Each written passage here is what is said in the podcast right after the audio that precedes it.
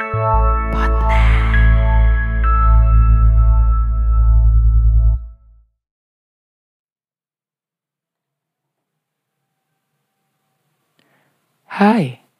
kenalin, aku Angel. Dan selamat datang di episode perdana Stensil. Pasti kamu bingung ya? Uh, di podcast ini, aku bakal nemenin minggu malam kalian dengan cerita-cerita dewasa. Semoga kalian suka ya. By the way, bukan cuma cerita aku sih yang bakalan aku bacain aku bakalan bacain cerita teman-teman aku juga. Dan bahkan mungkin cerita kamu. Kali ini, aku bakal bacain cerita dari teman aku. Namanya Diana. Jadi, selamat menikmati.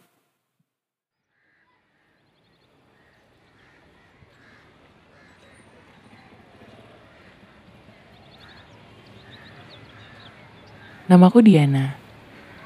Umurku 28 tahun.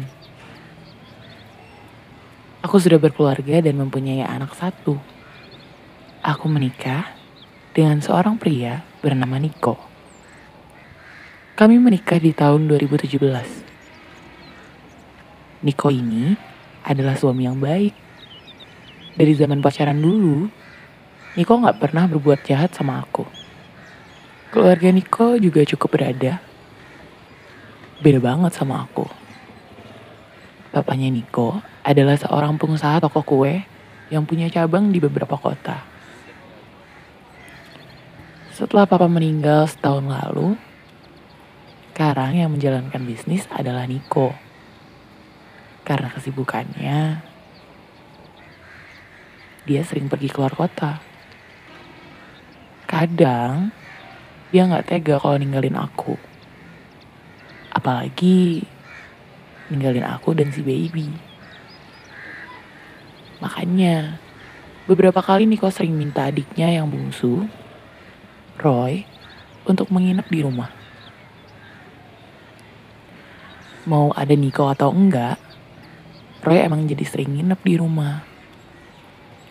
Adik iparku ini adalah seorang mahasiswa tingkat awal di sebuah perguruan tinggi.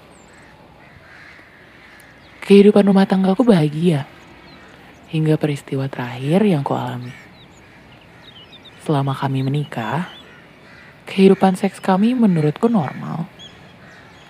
Aku menikmati saat kami melakukan hubungan suami istri. Aku merasa nikmat. Tetapi tidak berlangsung lama. Biasanya Niko sudah keluar di menit ke-8 Kemudian kami berbaring saja. Selama ini aku sangka itulah kehidupan seks. Aku nggak tahu apa yang dimaksud dengan orgasme. Tahulah, aku dari keluarga yang kolot memang.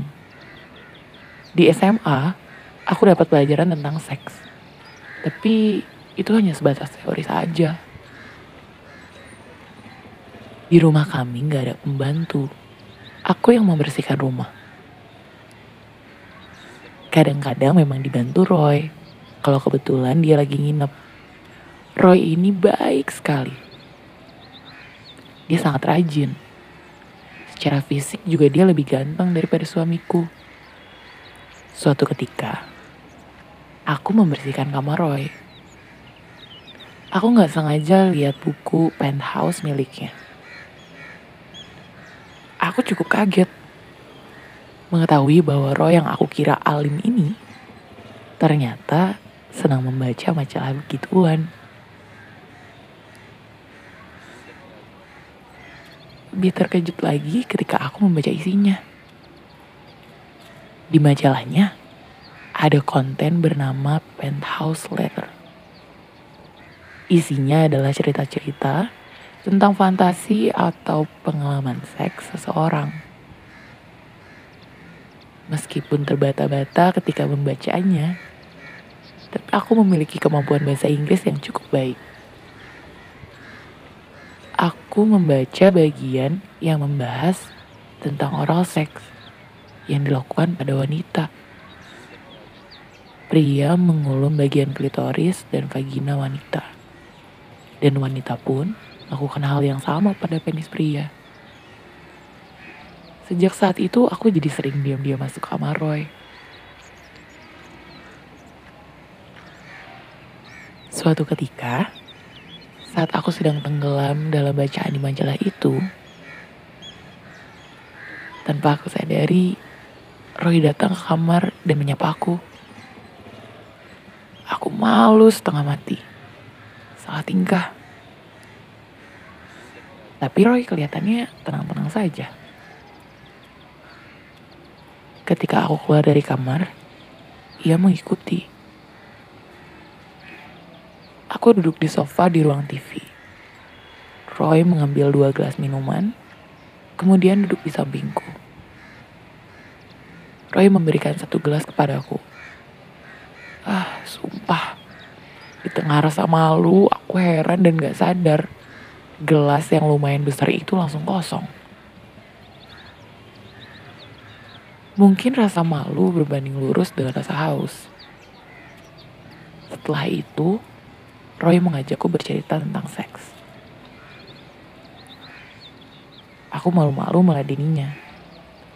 Iyalah, ini adik iparku. Tapi dia bilang dia udah gede. Udah bukan anak kecil lagi. Akhirnya aku meladeninya.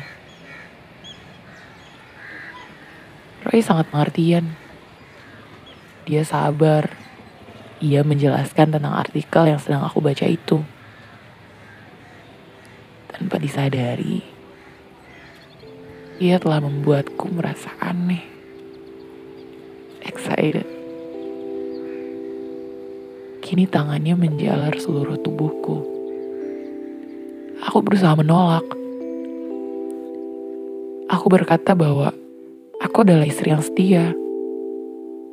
Kemudian Roy memberikan argumentasi bahwa seseorang baru dianggap tidak setia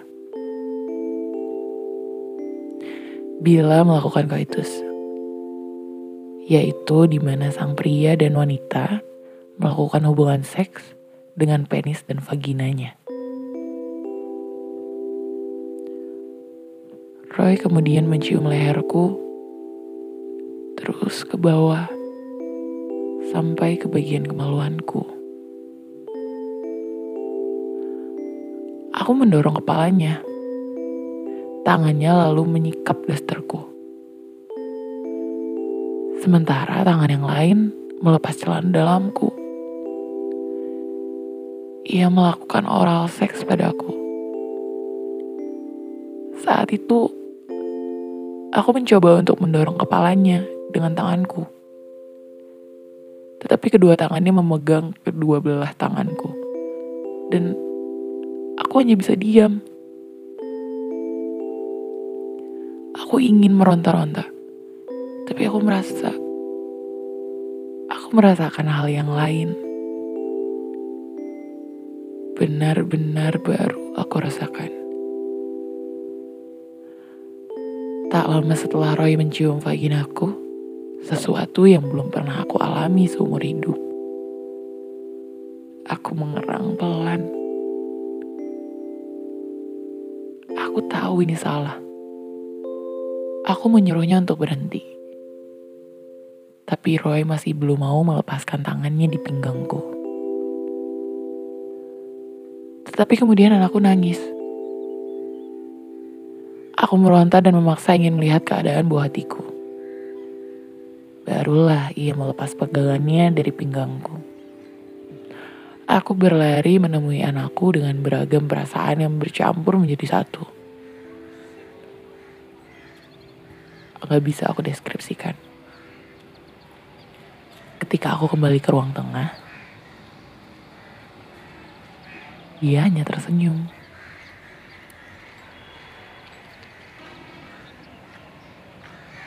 Aku nggak tahu harus gimana.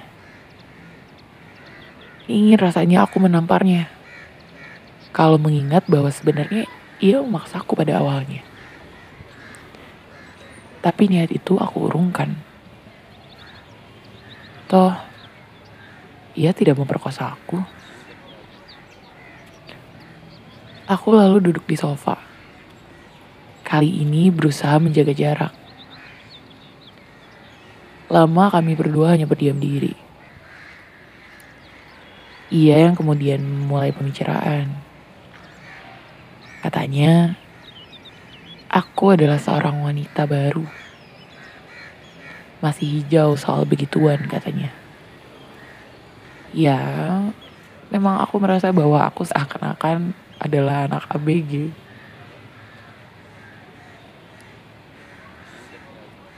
Ada perasaan bahagia yang lain ketika aku berhubungan intim dengan suamiku.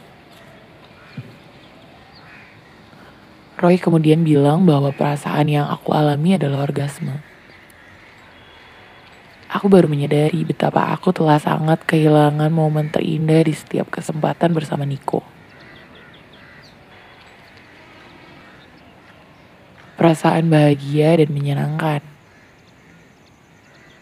Hari kemudian berlalu seperti biasa. Hingga suatu saat, suamiku pergi keluar kota lagi dan anakku sedang tidur. Aku akui, mulai saat itulah aku mulai merasa bersalah. Kenapa? Karena sekarang aku sangat ingin peristiwa di ruang tengah itu terulang kembali. Toh, Roy tidak berbuat hal yang lain. Aku duduk di sofa dan menunggu Roy keluar kamar. Tapi, tampaknya dia sibuk belajar di kamar. Soalnya, dia akan menghadapi mid semester atau semacamnya lah. Aku lalu mencari akal supaya dapat berbicara dengannya. Aku kemudian memutuskan untuk mengantarkan minuman ke dalam kamar. Di sana, dia duduk di tempat tidurnya, membaca buku. Aku bilang supaya dia jangan lupa istirahat, sambil meletakkan minumannya di atas meja. Ketika aku hendak keluar kamar, Roy memanggilku dan berkata bahwa ia sudah selesai belajar dan memang hendak istirahat sejenak. Ia lalu mengajakku ngobrol. Aku duduk di tempat tidur lalu mulai berbicara dengannya. Tanpa aku sadari, mungkin karena aku lelah seharian melakukan pekerjaan rumah tangga, aku lantas merebahkan diri di atas tempat tidurnya. Kami berdua lantas mengobrol sambil rebahan. Ada perasaan aneh di dalam pikiranku. Api tubuhku tidak bisa menolaknya. Sambil ngobrol, terkadang tangannya memegang tanganku. Saat itu, pikiranku mulai melayang teringat kejadian beberapa hari lalu di ruang tengah. Mungkin karena melihatku diam, dia mulai mencium tanganku. Saat aku sadar, tangannya telah berada di paha kananku, sementara kepalanya tenggelam di antara selangkanganku. Oh, betapa nikmatnya. Kali ini aku tidak melawan sama sekali. Aku menutup mata dan menikmati momen tersebut. Nafasku semakin memburu saat aku merasakan perasaan yang tidak biasa. Aneh. Kakiku menggelinjang hebat dan tiba-tiba aku merasa kepala Roy terangkat. Aku kemudian membuka mata sambil mencari nafas. Mataku terbelalak saat memandang ia sudah tidak mengenakan bajunya. Mungkin ia melepasnya saat aku memejamkan mata ketika menikmati usapan lidahnya di vaginaku. Saat aku menutup mata tadi, aku tidak tahu apa yang harus kulakukan. Aku hanya menganga seperti orang bodoh. Setelah itu, aku melihat tangan kirinya kembali bermain di selangkanganku sementara tubuhnya perlahan-lahan turun menutupi tubuhku. Perasaan nikmat yang tak pernah aku rasakan kembali bangkit. Tangan kananku lalu melolosi dasterku. Aku sudah telanjang. Hanya BH saja yang tertinggal. Lalu tangan kirinya meremas buah dadaku. Aku mengerang kesakitan. Tanganku mendorong tangannya. Aku bertanya, apa sih maunya? Roy hanya tersenyum. Senyum menggoda yang meneduhkan sekali. Entahlah. Lalu aku mendorongnya pelan dan berusaha untuk bangun. Anehnya, bukan untuk melawan. Lalu ia memiringkan badannya. Dengan cepat aku membuka BH-ku, lalu berbaring kembali. Ia tersenyum setengah tertawa. Ah, sialan. Aku juga ikut tersenyum. Dengan sigap Roy sudah berada di atas tubuhku. Lalu mulai mengisap puting susuku. Sementara tangan kanannya kembali memberi kehidupan di antara selangkanganku dan tangan kirinya mengusap seluruh tubuhku. Jujur selama kehidupan perkawinan aku dengan suamiku Niko, ia tidak pernah melakukan hal-hal seperti saat kami melakukan hubungan seks. Seakan-akan seks itu adalah buka, mulai, keluar, lalu selesai. Aku merasa diriku ini bagaikan mutiara di hadapan Roy. Kemudian Roy mulai mencium bibir. Yang anehnya aku balas dengan penuh gairah. Sekujur tubuhku terasa panas sekarang. Kemudian aku rasakan penisnya mulai mencari-cari jalan masuk ke lubang nikmatku. Dengan tangan kanan, aku bantu ia menemukan lubang yang tepat. Semua sudah pada tempatnya sekarang. Roy mulai mengayuh perahu cinta kami dengan semangat sekali. Kedua tangannya tidak berhenti mengusap tubuhku dan dadaku aku hanya bisa memejamkan mata. Ah, nikmat sekali. Kemudian ia mengalungkan kedua tanganku di lehernya. Aku membuka mata. Aku melihat Roy menatap mataku dengan sejuta arti. Tidak bisa aku bahasakan dengan rinci. Kali ini aku tersenyum. Dan ia juga tersenyum. Mungkin karena gemas melihat wajahku, bibirnya lantas kembali memagut bibir bawahku. Oh, aku merasa waktunya telah tiba. Kedua tanganku menarik tubuhnya agar lebih merapat. Roy mempercepat laju persetubuhan kami. Ah, ah aku mengerang perlahan. Aku mendengar nafas Roy menjadi berat. Berat sekali. Di sela-sela orangannya, aku merasa kemaluanku dipenuhi cairan hangat. Nikmat sekali. Sungguh, tidak pernah aku rasakan sebelumnya. Sejak saat itu, aku dan adik iparku selalu menunggu kesempatan di mana Niko pergi keluar kota untuk dapat mengulangi perbuatan terkutuk itu.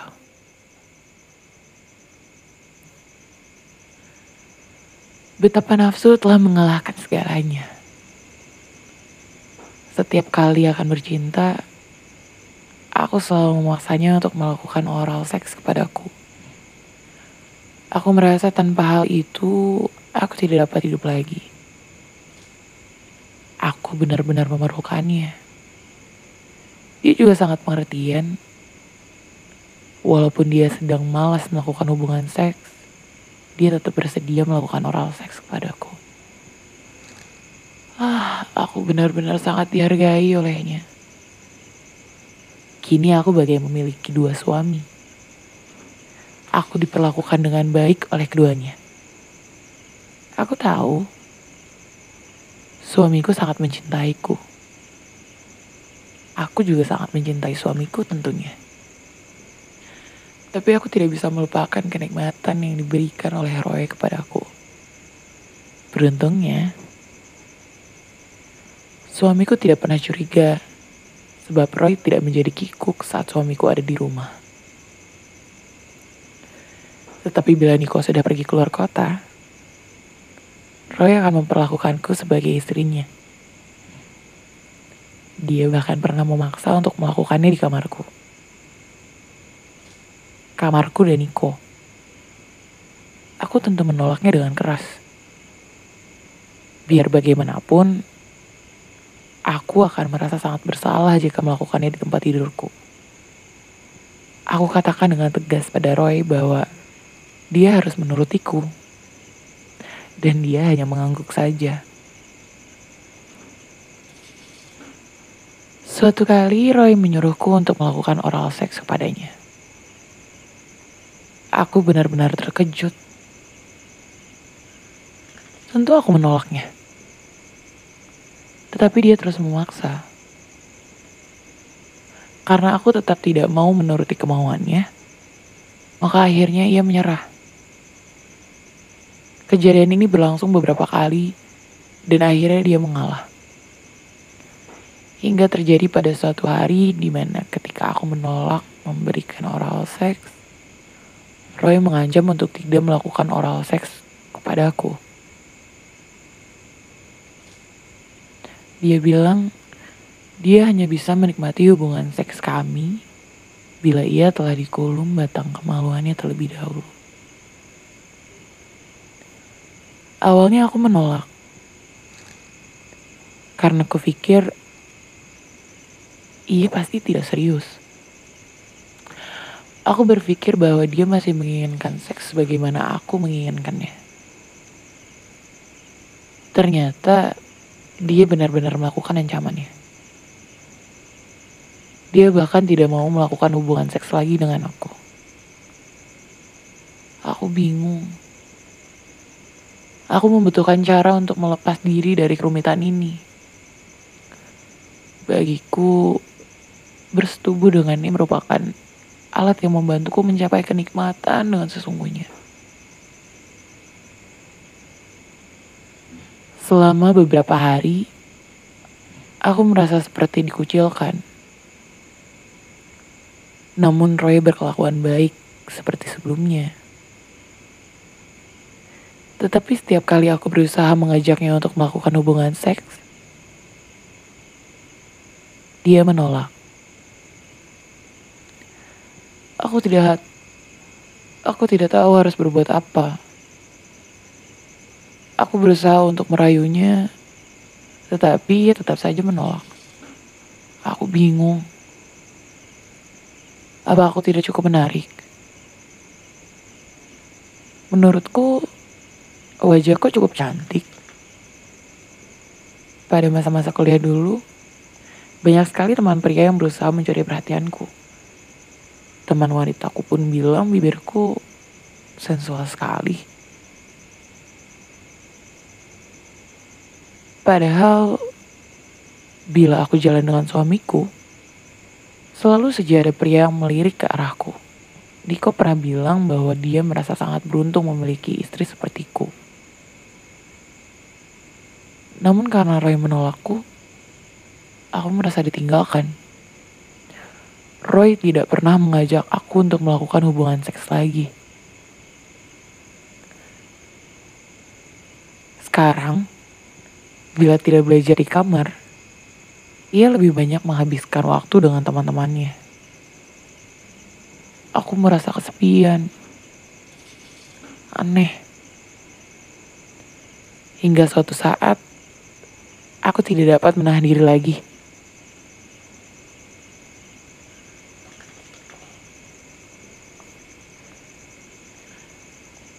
Malam itu Roy masuk ke kamarnya setelah menonton film. Aku mengikutinya dari belakang. Aku katakan apa yang perlu aku bicarakan. Anakku sudah tidur saat itu. Kemudian Roy duduk di tempat tidurnya Dan aku bilang, aku bersedia melakukannya. Ya, mengulum penisnya. Dengan gesit ia membuka seluruh celananya dan kemudian ia berbaring. Dia bilang bahwa aku harus menjilat penisnya dari atas hingga bawah. Walaupun masih ragu-ragu, aku melakukannya.